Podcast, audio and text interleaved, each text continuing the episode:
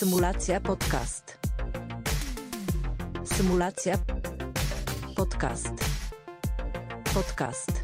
Podcast. Symulacja. Okej. Ja nie wiem, jak, jak wygląda moja czakra gardła, ale mam nadzieję, że się nie zatnę nagle przy rozpoczęciu nagrywania i będę w stanie cokolwiek z siebie powiedzieć. Nie, no nie będzie źle. Damy radę. Dobra. No tak, no. Naturalnie, w sensie, no to jest to, że my teraz mamy tak, że my już chcemy gadać przed w ogóle nagrywaniem i zaraz jakbyśmy zaczęli prowadzić konwersację, to w ogóle nie mielibyśmy o czym gadać na podcaście. Więc to trzeba zacząć, to trzeba już, wiesz, okej, okay, włącz sobie nagrywanie. Wow, ty możesz sobie tło wybrać na czarne? Nice, okej. Okay. To teraz tak, musimy zaklaskać dwa razy i zrobić takie klask, klask na 3-4, dobra? Dasz na 3-4? Okej, okay, tak. no. Trzy, cztery. Ej, później zrobiłaś. Nie, to ty zrobiłeś później. No dobra, okej, to będzie bardzo ciekawy montaż. Super. Po prostu dopasuję, żeby nam się odpowiedzi akurat tak mijały w tym momencie ciszy jednej osoby. No tak, wierzę w swoje możliwości co do montażu dźwięku. No dobra, okej. To zaczynamy. Wait. Serio, jakieś ten, jakieś sceny biforowe powinny w tym być, no dobra. Cześć, witam wszystkich słuchaczy bardzo serdecznie w kolejnym odcinku podcastu. Dzisiaj jestem z... Cześć, Nora Wulpis. Dzień dobry. I tak, w końcu to jest ta Nora, o której mówię cały czas, więc możecie w końcu jej głos usłyszeć, a nie tylko mój, więc w sumie co do tego, że jedynie o tobie wspominałem, ale nie mówiłem dokładnie, czym się zajmujesz, tak teraz oddaję ci głos. Ten podcast jest dosłownie częściowo twój i możesz o sobie coś opowiedzieć. Mm, no to tak, teraz pytanie, czy mam o sobie odpowiedzieć tak y, z grubej rury, czy tak normalnie. No bo normalnie to bym powiedziała, że yy, hej, jestem Nora i studiuję psychologię. I tym się w sumie zajmuję w większości mojego życia. A tak bardziej z grubej rury, no to zajmuję się rozwojem duchowym od 2012 roku. Zaczęło się od tego, że przypadkowo sobie zaczęłam wychodzić z ciała, a przewodnicy duchowi postanowili, że to jest genialny sposób, żeby pokazać mi trochę więcej świata, e, jeszcze bardziej mnie trochę zmieszać w tym społeczeństwie. No i tak znalazłam sobie coś do roboty w tym pięknym świecie, tym bardziej w 2020 roku, gdzie rzeczywiście ta wiedza mi się przydaje. No i właśnie to jest to, że ty o wiele wcześniej się zaczęłaś tematem duchowości zajmować ode mnie i w sumie też moglibyśmy teraz tak oficjalnie przytoczyć naszą historię, jak my się w ogóle poznaliśmy. Ojej, to jest ciekawa historia. Znaczy, po pierwsze, nie powiedziałabym, że zaczęłam się tym zajmować, e, to raczej e, wszechświat zaczął mnie tym zajmować bez mojej wolnej woli w jakikolwiek sposób. No w sumie tak, tak, tak to działa, tak to działa, potwierdzam. No, to ta nasza historia jest długa. Mogę odpowiedzieć w skrócie. Muszę powiedzieć w skrócie, tym bardziej, że w ogóle wiesz, z twojej perspektywy myślę, że to się zaczęło o wiele wcześniej, w sensie trafienie na mnie w ogóle. Ja na ciebie trochę później trafiłem. Niby kompletnym przypadkiem, a jednak przypadki nie istnieją. No z jednej strony tak, a z drugiej strony nie, bo zacznijmy od tego, że no pierwsze spotkanie to było jak biegłam przez pół Pyrkonu za osobą w czerwonej czapce, krzycząc, że to jest genialny cosplay Tylera Josepha. I tak. I to była pierwsza fotka. Ja jeszcze wtedy wyglądałam jak typowy Aquarius Rising, jeszcze bardziej niż obecnie. Ale mam tą fotkę i to jest pierwsze nasze spotkanie, co się skapnęliśmy chyba po czterech latach, że to my. Ale w ogóle też właśnie to jest to, że ja kompletnie nie planowałem się przebierać wtedy na Perkon, a coś mnie tknęło właśnie do tego, łącznie z moimi znajomymi, którzy mi poznajmili, że ej, ale w sumie to byłbyś zajebistym Tylerem. Ty jeszcze się wtedy tak spieszyłeś, a ja, nie, a ja czułam się... Yy... Czułam się jak dziwna psychofanka w bardzo złym miejscu i chyba byłam jedyną osobą, która mm, zrobiła sobie z tą zdjęcie, czy w ogóle klepnęła piątkę, że tak powiem, z powodu, że masz cosplay, ale nie z powodu, że jesteś tym, kim jesteś, bo byłeś już chyba sławny, nie? W pewien sposób, że tak powiem. Tak było, no, bez kitu. Dobra, no i w sumie po raz kolejny się spotkaliśmy z tego, co pamiętam. Właśnie nie wiem, czy to były twoje urodziny, to były twoje urodziny. Tak, to zdecydowanie były moje urodziny, kiedy nie, nie ogarniałam zupełnie, kto jest w moim domu. Miało być 10-15 osób. Później uznałam, że będzie więcej, pozwoliłam po prostu pozapraszać, a weźcie sobie kogoś tam, osobę towarzyszącą. No i pewna osoba przyszła z dziesięcioma osobami towarzyszącymi. W tym ze mną. I wśród nich gdzieś tam byłeś ty, no dokładnie. Tak. Ale, ale ja w ogóle nie wiedziałam o twoim istnieniu, dopóki się nie dowiedziałam, że ktoś zbił mi szysz, sziszę. Boże, jaka to jest trudne słowo. A ja nawet nie wiedziałam, że mam sziszę, więc to było, to było ciekawe. Nie wiedziałaś, że masz sziszę? Nie, nie wiedziałam. Ej, to ty nie wiedziałaś, że mam sziszę, a ja nie wiedziałem, że ją zbiłem. Ale później ja po prostu ja byłem tak już podchmielony po prostu, że e, ktoś mi powiedział, że ja tą sziszę zbiłem, gdzie jej chyba nie używałem wtedy nawet, tylko jej używałem wcześniej, ale pamiętam, że był jakiś moment, gdzie ta szisza rzeczywiście spadła koło mnie, po czym było szukanie tego, kto zbił tą sziszę i stwierdził jeden chłopak, że ja to zrobiłem i teraz ja się zastanawiam, czy on to zrobił. Jakby do dzisiaj nie wiem. I czasami, czasami mnie to zastanawia, czy rzeczywiście to byłem ja, czy nie ja. Za to tak czy inaczej, nieważne od tego, kto to zrobił. Miało wyjść tak, że ja się miałem przyznać do tego, że ja to zrobiłem. No i wtedy powiedzieli, no to idź pogadaj z Wiktorią, coś tam, coś tam i w ogóle. I przychodzi do mnie taki biedny majs i mówi, no słuchaj, y, zbiłem twoją sziszę. Ja takie, po pierwsze, kim ty jesteś? Po drugie, jaką sziszę?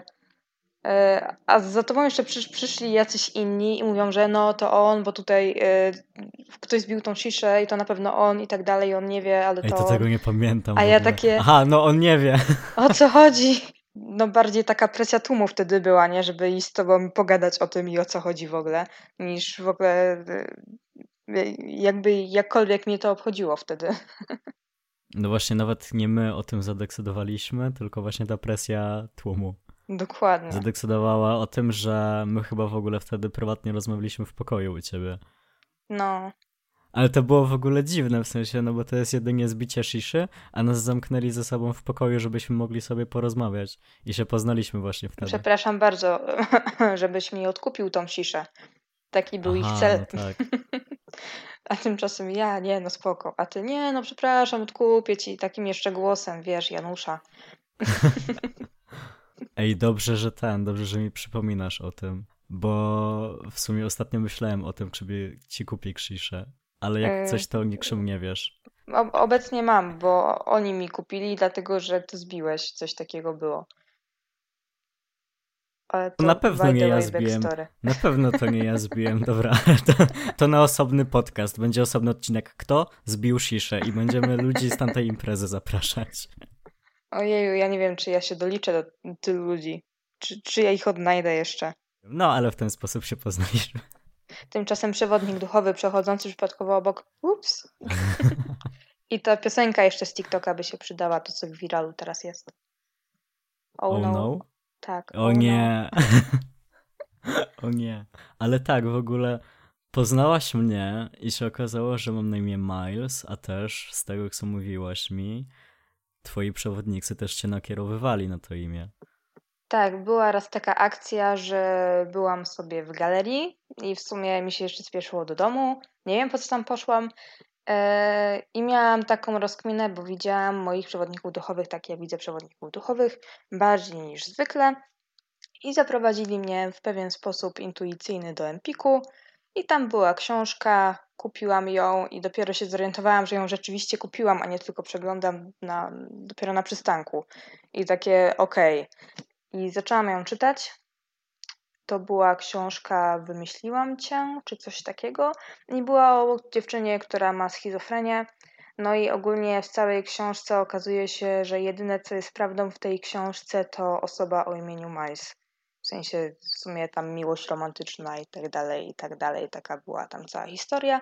No ale cała historia w książce się nie wydarzyła yy, i się okazuje, że żyje w zupełnie totalnie innym świecie i tylko ta osoba jest jakby realna. No i można powiedzieć, że można to porównać do naszej sytuacji, w sensie z tobą teraz, nie? No bo tak jakby doszliśmy też do wniosku po wielu y, dziwnych y, medytacjach, czy innych takich stanach i rozkminach, że w naszym życiu my się musieliśmy jakoś znać przed tym życiem, żeby się w taki sposób dziwno odnaleźć, jeszcze się tak dogadywać, totalnie nie mając ze sobą żadnych ani więzi, ani hobby. No, no weź spójrz na nasze zdjęcia chociażby, nie? W sensie wiem, że słuchacze nie mogą spojrzeć na nasze zdjęcia, e, Chyba, że wejdą na Instagrama, gdzie się oczywiście polecamy, to zapraszamy. Polecamy się, tak. no to jednak jest to całkiem dziwne, że no, skąd się musimy znać, jeżeli totalnie nic nas nie łączy, oprócz jakiejś takiej dziwnej, urojonej misji e, tłumaczenia świata innym, którzy niekoniecznie potrafią tak to przemyśleć. To w ogóle my powinniśmy nagrać też podcast o tym, co my o sobie wiemy. Właśnie wiesz, jak już poruszasz temat tego, że my na pewno się znaliśmy.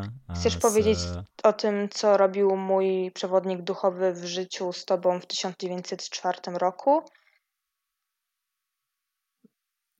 No, nie wiem. A chcę. Teraz no nie dokładnie wiem, bo... nie pamiętam o co chodzi. Umawialiśmy się, że kiedyś spiszemy tą e, historię z czasów wiktoriańskich, kiedy wszyscy nasi znajomi nagle się spotykają i mamy jeden wielki obraz naszej rodziny duchowej i wychodzi na to, że też jesteśmy z jakiejś rodziny duchowej, skoro tam są praktycznie wszyscy.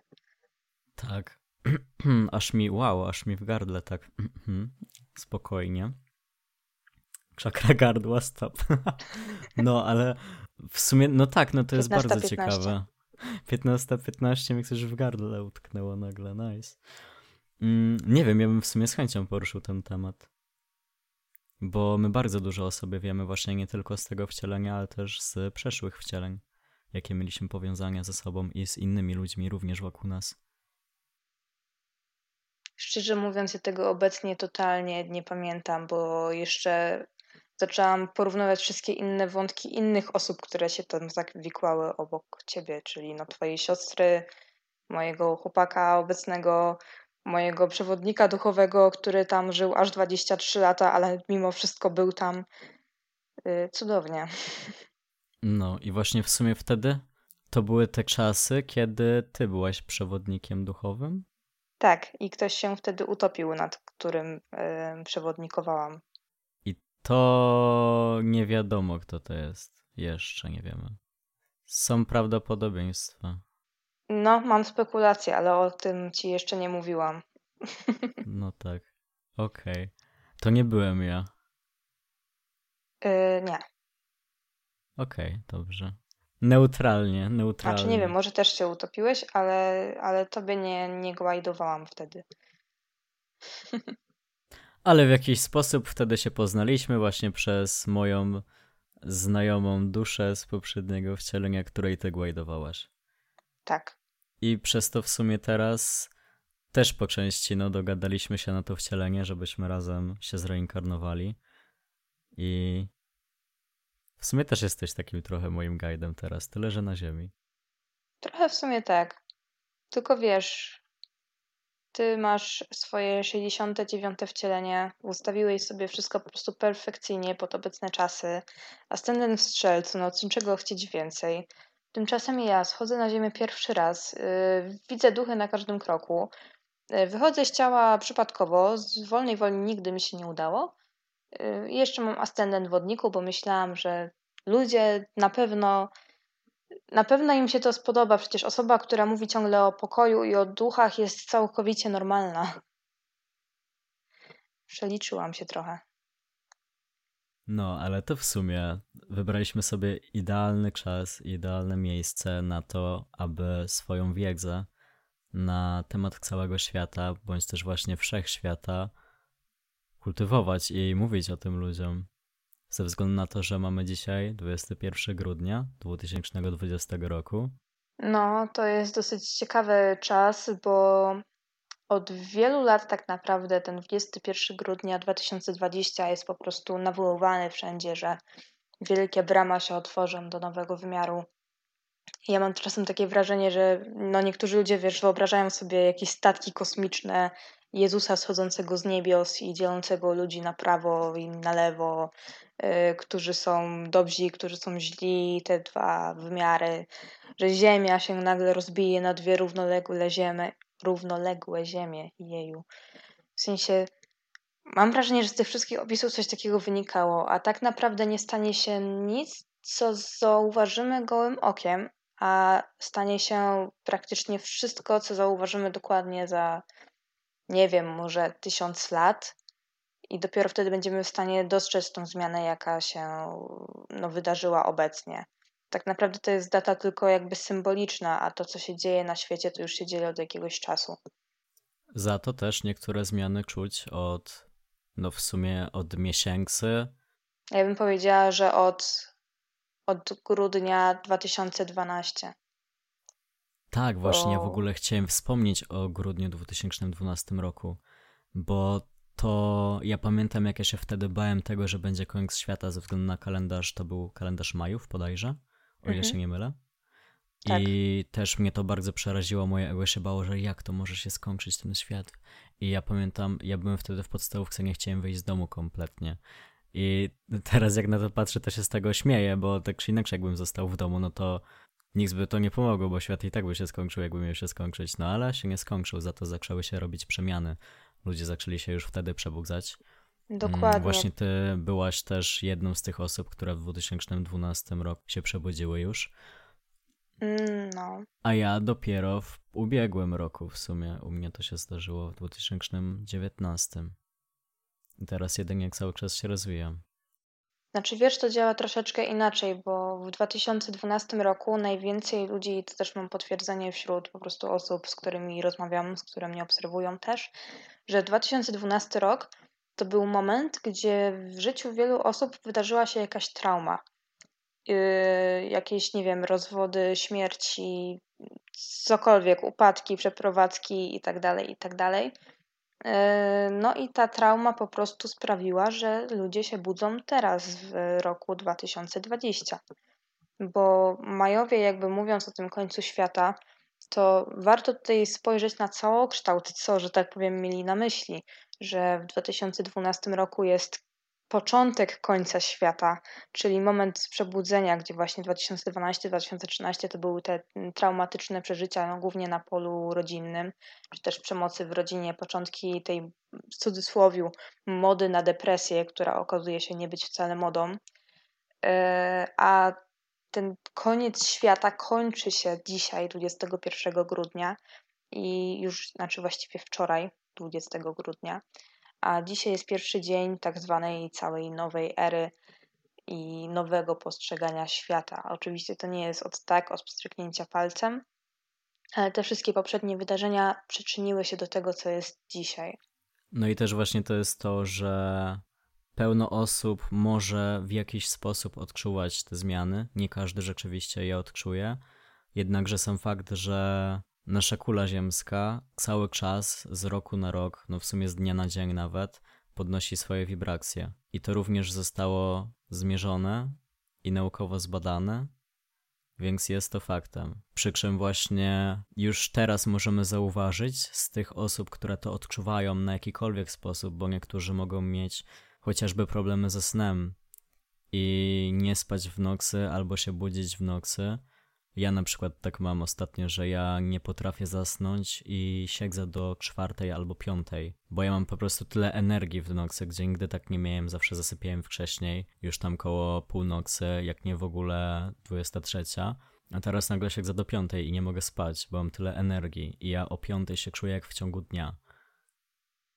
No to ja tak dokładnie to samo przeżywam, plus jeszcze no, rozmawiam z innymi ludźmi, którzy też to potwierdzają i jest, ej Nora, dlaczego ja nie śpię o czwartej, dlaczego ja mogę nie spać dwa dni, albo co gorsza, znaczy co gorsza i co lepsza, zależy co jak dla kogo, yy, dlaczego ja widzę inne dusze, nie?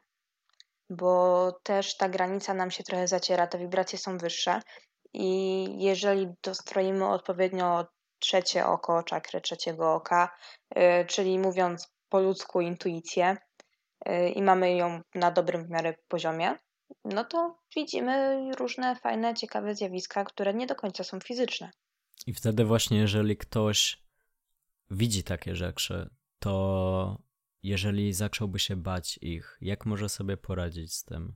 Bo to jest też strasznie ciężko niektórym osobom powiedzieć, że ej, spoko, nie przejmuj się ze względu właśnie na ich ego, które może być rozbudowane, może sobie wymawiać na podstawie doświadczeń lub też społeczeństwa, że ej, coś jest z tobą nie tak, coś jest z tobą źle, niedobrze, albo jesteś chory, nie powinieneś takich rzeczy widzieć.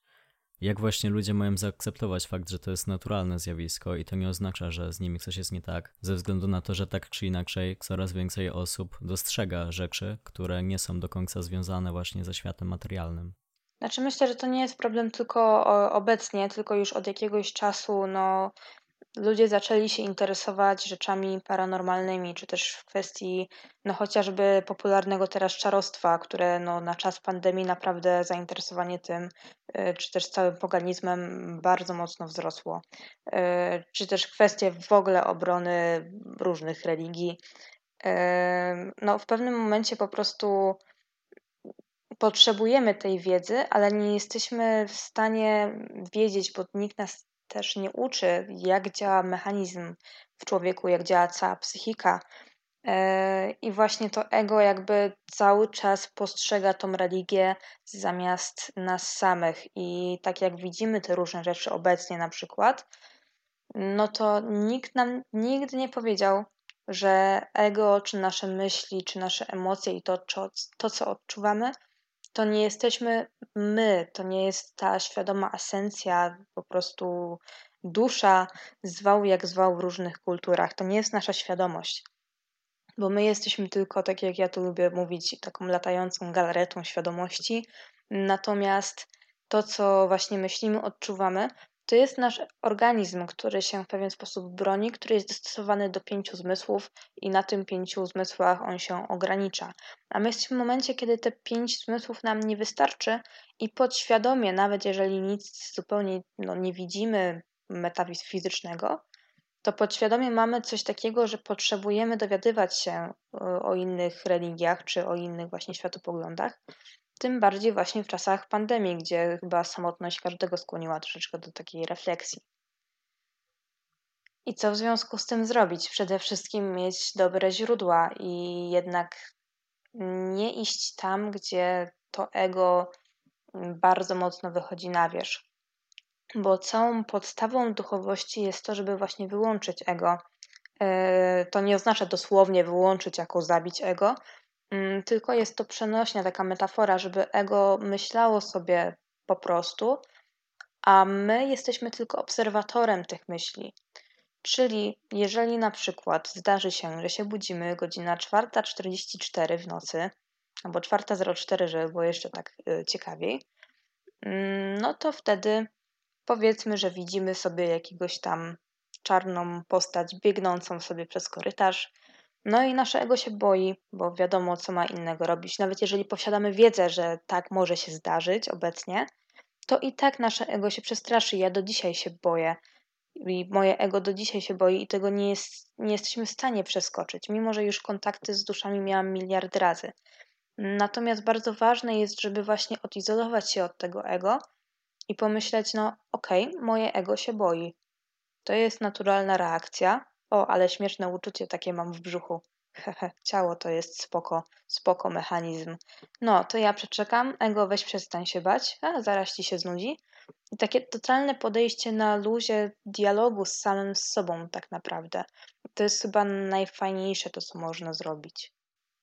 Tak, właśnie dlatego ja się często śmieję, że swoje ego oczywiście w przenośni traktuję jak takiego pieska gdzie jak ten szczeniaczek tak jest, wiesz, zlękniony i w ogóle, to go głaszczę po głowie i mówię, no ej, no ale o co ci chodzi? Przecież jestem tutaj, tak? Jako świadomość. No to czego ty się boisz? Przecież wiesz, jak jest. I to jest właśnie fajne, bo to jest takie zrywanie samego siebie struktur, które już mamy zaprogramowane w sobie, no bo ego, to nie ukrywajmy, jest program. Dokładnie. Program, który został stworzony na bazie naszego doświadczenia ludzkiego. Dokładnie, to jest po prostu system naszej psychiki i działa dokładnie tak samo sprytnie, jak został wymyślony, nie wiem, układ krwionośny czy jakikolwiek inny układ pokarmowy. To jest po prostu narzędzie w naszym ciele, które w jakiś sposób działa, w jakiś sposób myśli.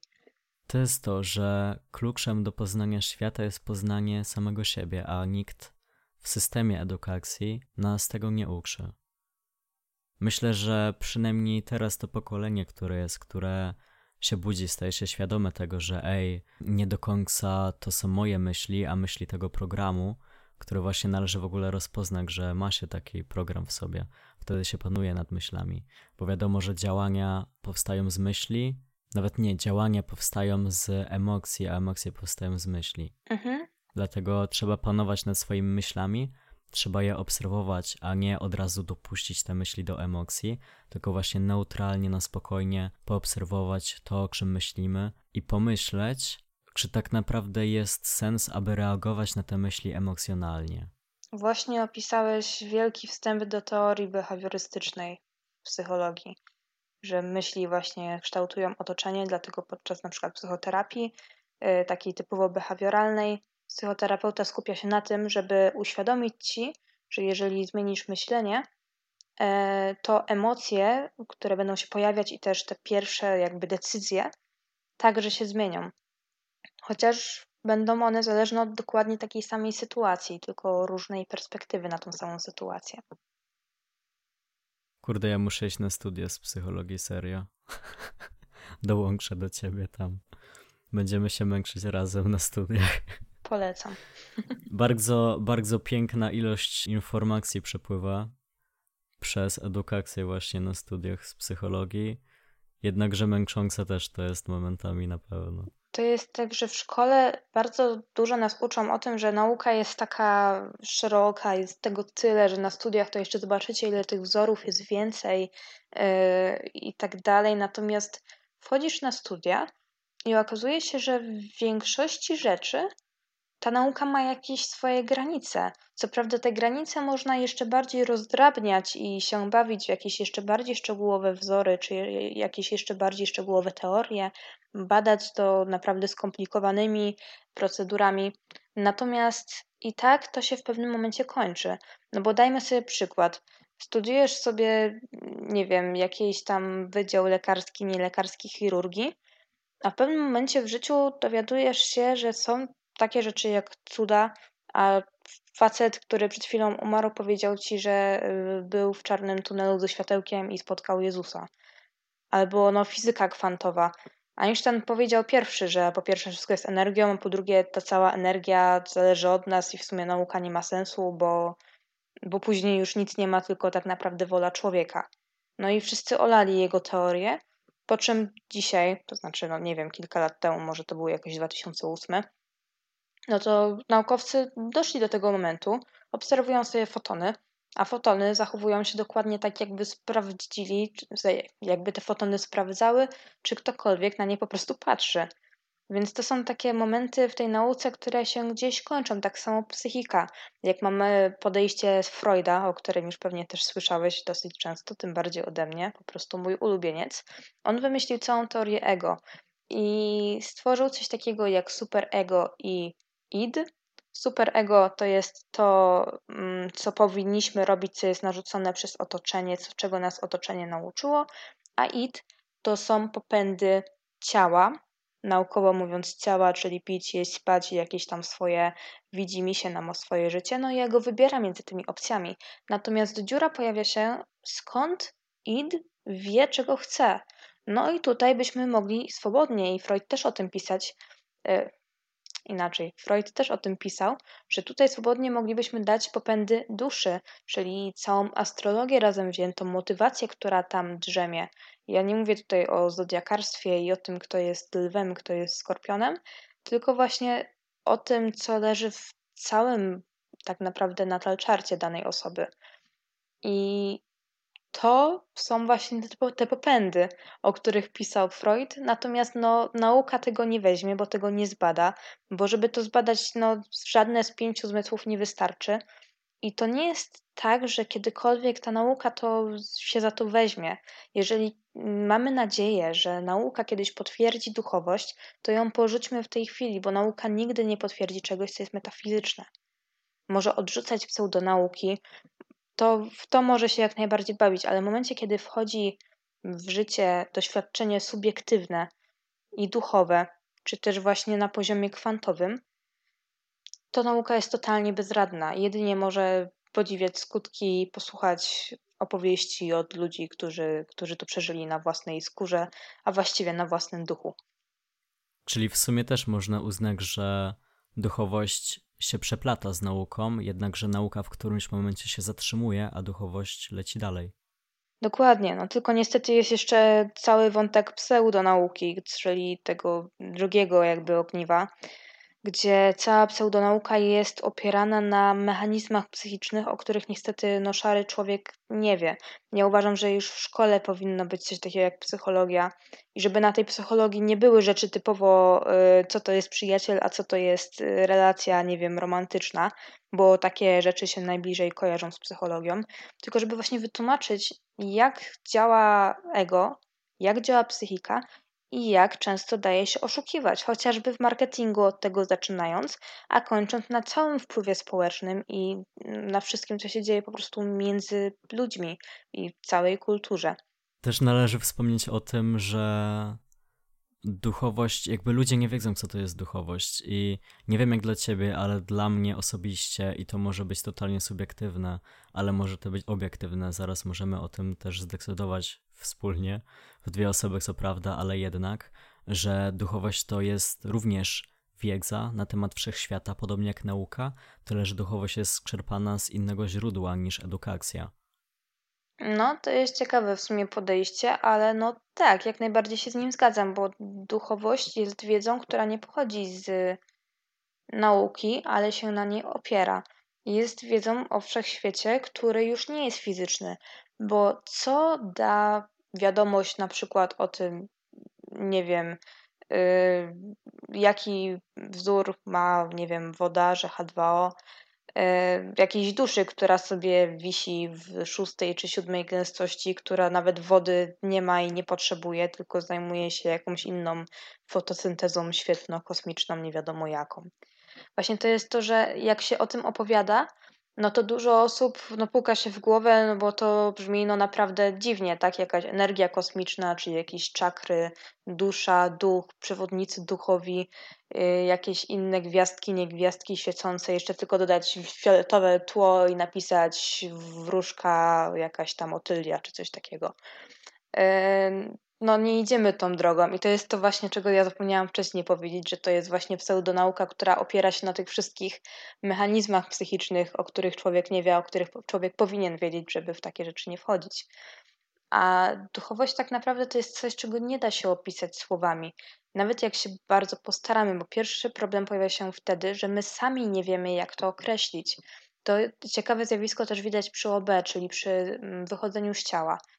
Mm, nikt tego oczywiście nigdy no, nie mógł, nie miał jak potwierdzić, no ale coś wskazuje na to, że chociażby pacjenci szpitalu właśnie widzą swoją śmierć martwiących się lekarzy, czy coś takiego, już mówię o wypadku śmierci klinicznej.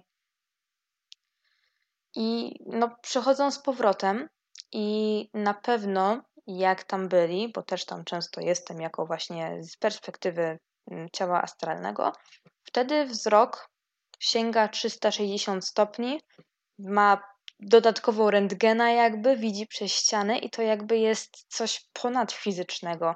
I to nie jest tak, jak my to sobie wyobrażamy, że sobie po prostu ciało chodzi i zwiedza pokoje, tylko widzi o wiele więcej, co więcej czuje o wiele więcej, czuje dodatkowe emocje, których nie jest w stanie określić. Najprostsze, najbliższe emocje, które można by było porównać do takiego świata astralnego, no to jest to, nie wiem, dobro, miłość, bezpieczeństwo, ale to jest na o wiele wyższym poziomie. I najgorsze jest to, że jeżeli wracamy z powrotem do naszego ciała, to wiemy, że tak było, ale nie do końca jesteśmy w stanie widzieć to ponownie. Nie mamy wspomnień w ten sposób. Nasze wspomnienia przyjmują wszystko dokładnie tak, jak ma możliwość zapisania tego nasz mózg w pamięci. I to jest jedynie świadomość, że jak tam byliśmy, to było to inaczej.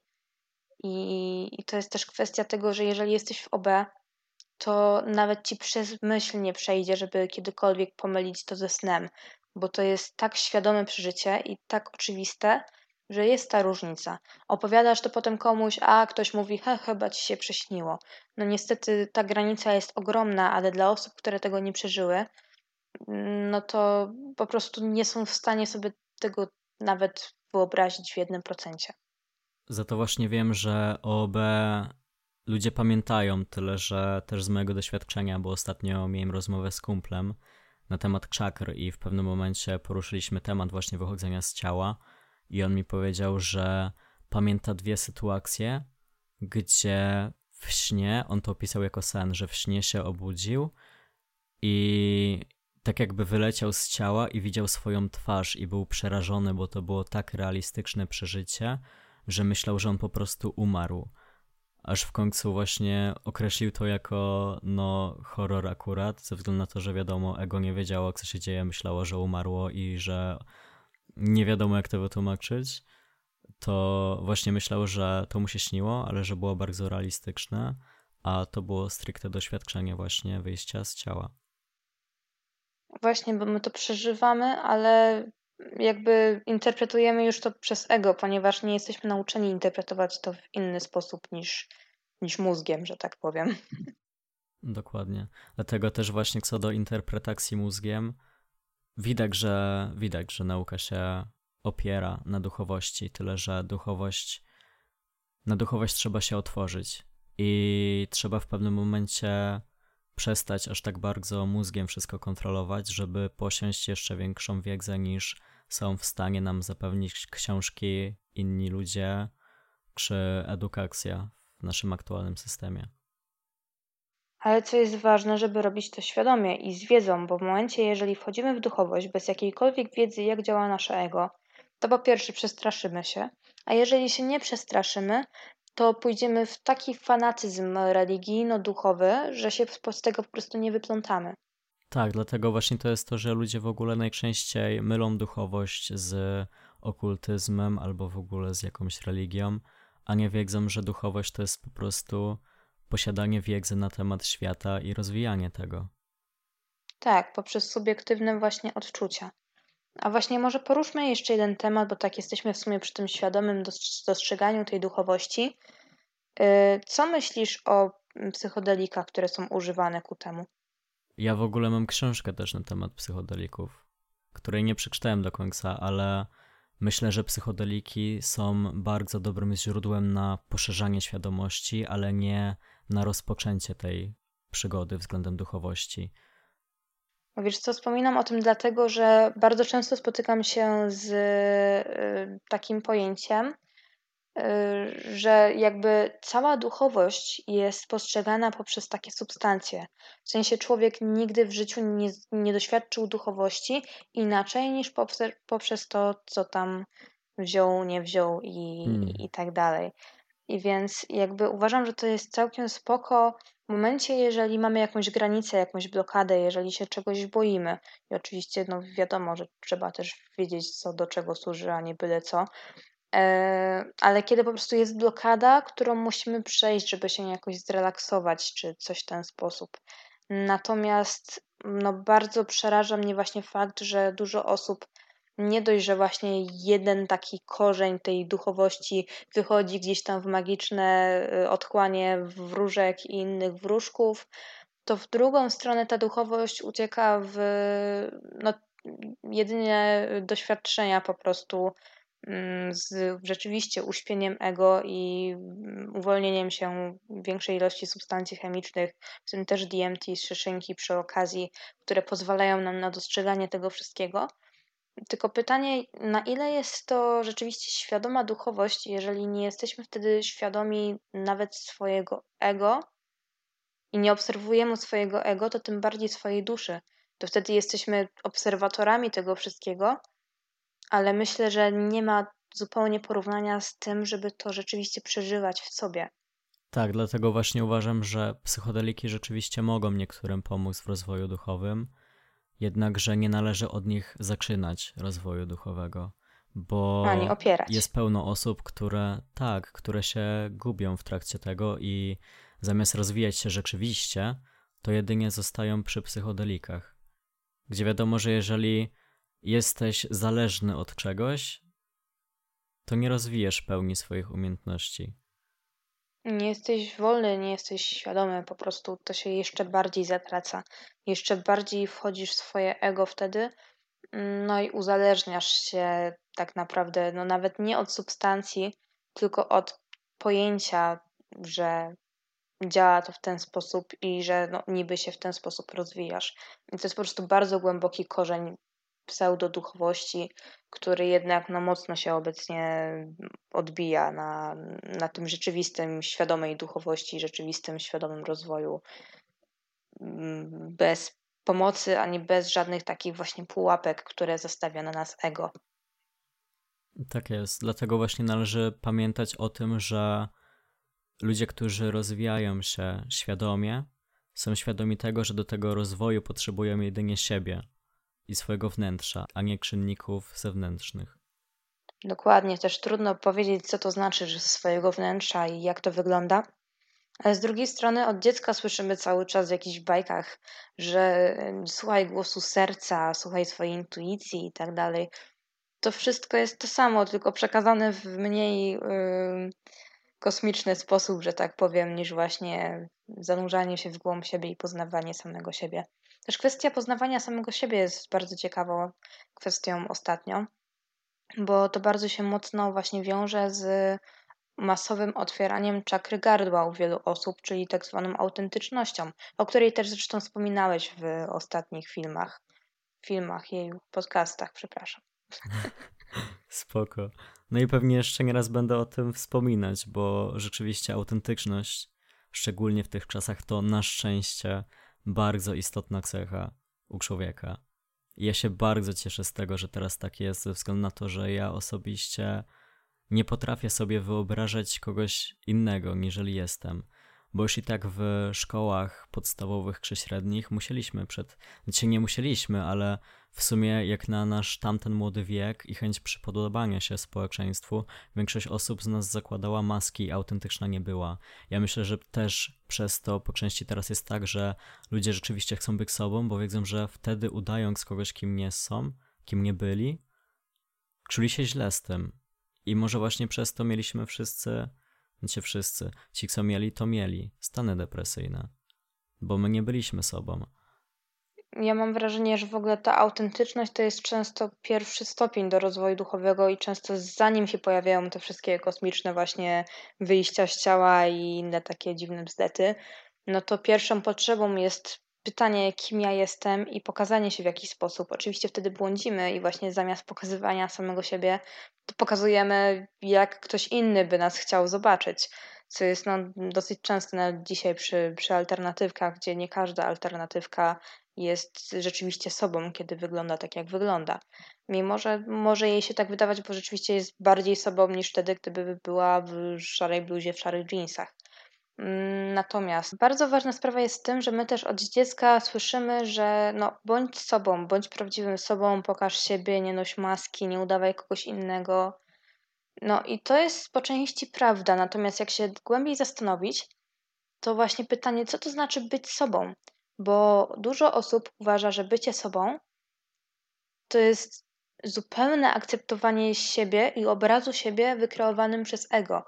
Ja miałam taki problem obecnie i też znam wiele osób, które no, myślą podobnie i którym otworzyłam trochę oczy, że bycie sobą, mm, no to w wypadku, kiedy ja byłam osobą na przykład właśnie nieśmiałą, bardzo cichą, taką naprawdę skrajnie cichą, E, aż, tak powiem, niebezpiecznie wchodząc w jakieś e, stany takie niefajne, no to myślałam, że to ja jestem prawdziwa ja, no bo ja jestem cicha i jestem taka podążająca za tłumem, bojąca się wychylić i cały czas myślałam, że to jest to, bądź sobą, ale nie, nasze ego to nie jesteś ty, tylko to, kim jesteśmy w środku, my musimy do tego właśnie dojść za pomocą różnych doświadczeń czy różnych eksperymentów, zarówno z charakteru, jak i z wyglądu, i to idzie z sobą w parze. Więc ja bym zamieniła to właśnie bycie sobą na bądź kim chcesz być i nie w formie bądź kimś innym, czyli jakąś inną osobą, a w formie, jeżeli chcesz być, nie wiem, wygadany i sławny, to bądź. Jeżeli chcesz ubierać się jak Salvador Dali i wyjść w garniturze z żrafy, do, do ludzi, to zrób to. Nie bądź tym, kim po prostu ego każe ci być ze względu na normy lub ze względu na strefę komfortu. Tylko odkryj, kim jest być sobą i wtedy bądź tym, kim chcesz być. Pięknie powiedziane. I myślę, że to były tak cudowne słowa, że na tym możemy już skończyć nasz dzisiejszy podcast. Więc dziękuję Ci bardzo za udział, Nora. Dzięki. Mam nadzieję, że takich sytuacji też będzie więcej takich okazji, bo fajnie się to rzeczywiście robi. Tak, no mi się w ogóle mega przyjemnie z Tobą podcasty prowadzi, więc trzeba będzie to powtórzyć i na pewno to powtórzymy jeszcze. Dlatego o to nasi słuchacze nie muszą się martwić. Dokładnie. tak więc dziękuję bardzo za słuchanie podcastu. Oczywiście zapraszam na nasze Instagramy Nora Vulpis, Mój jest Miles Anders. Nie wiem, jaki mam w ogóle ten. Fajnie by było stworzyć jakiegoś takiego Instagrama osobnego od podcastu, nie wiem. Ale to, to może w przyszłości. Jak na razie zapraszam was na mojego prywatnego. No i oczywiście ja też na Nory. zapraszam, dokładnie. Dokładnie. Więc dzięki za wysłuchanie całego podcastu, jeżeli jeszcze go słuchasz. Mamy nadzieję, że tak. No i oczywiście do usłyszenia w kolejnym. Cześć. Mam nadzieję, że aż tak nie zanudzałam. No ja też. Wydaje mi się, że nie, no ale zobaczymy. Dobra.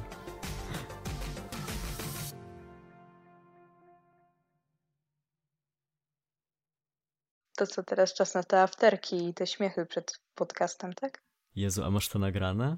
No właśnie nie. Kurde, ja też nie. Dobra, to udawajmy jeszcze raz. Jak ten, następnym razem, no uda... Nie, autentyczność, autentyczność, nie będziemy udawać niczego. Ale następnym razem, jak będziemy nagrywać podcast, to zdecydowanie trzeba nagrać ten before. To jest moment na kolejną piosenkę z TikToka pod tytułem yy, Nobody's Gonna Know. Czy jak, jakoś tak to było, nie? No w sumie, nie wiem, nie oglądam TikToków, ale fajnie, że oglądasz. Dobra. Nobody's gonna know. They gonna know. Piękne. How do they know? A, Nie znasz tego? Nie. nie, no nie oglądam TikToka. Tymczasem ja nie mogę spać od drugiej do ósmej rano, nie? Typowe. I oglądasz wtedy TikToki? Tak, bo nic innego mi się nie chce robić. Ewentualnie gram w kawiarnię. Polecam, taka fajna gra.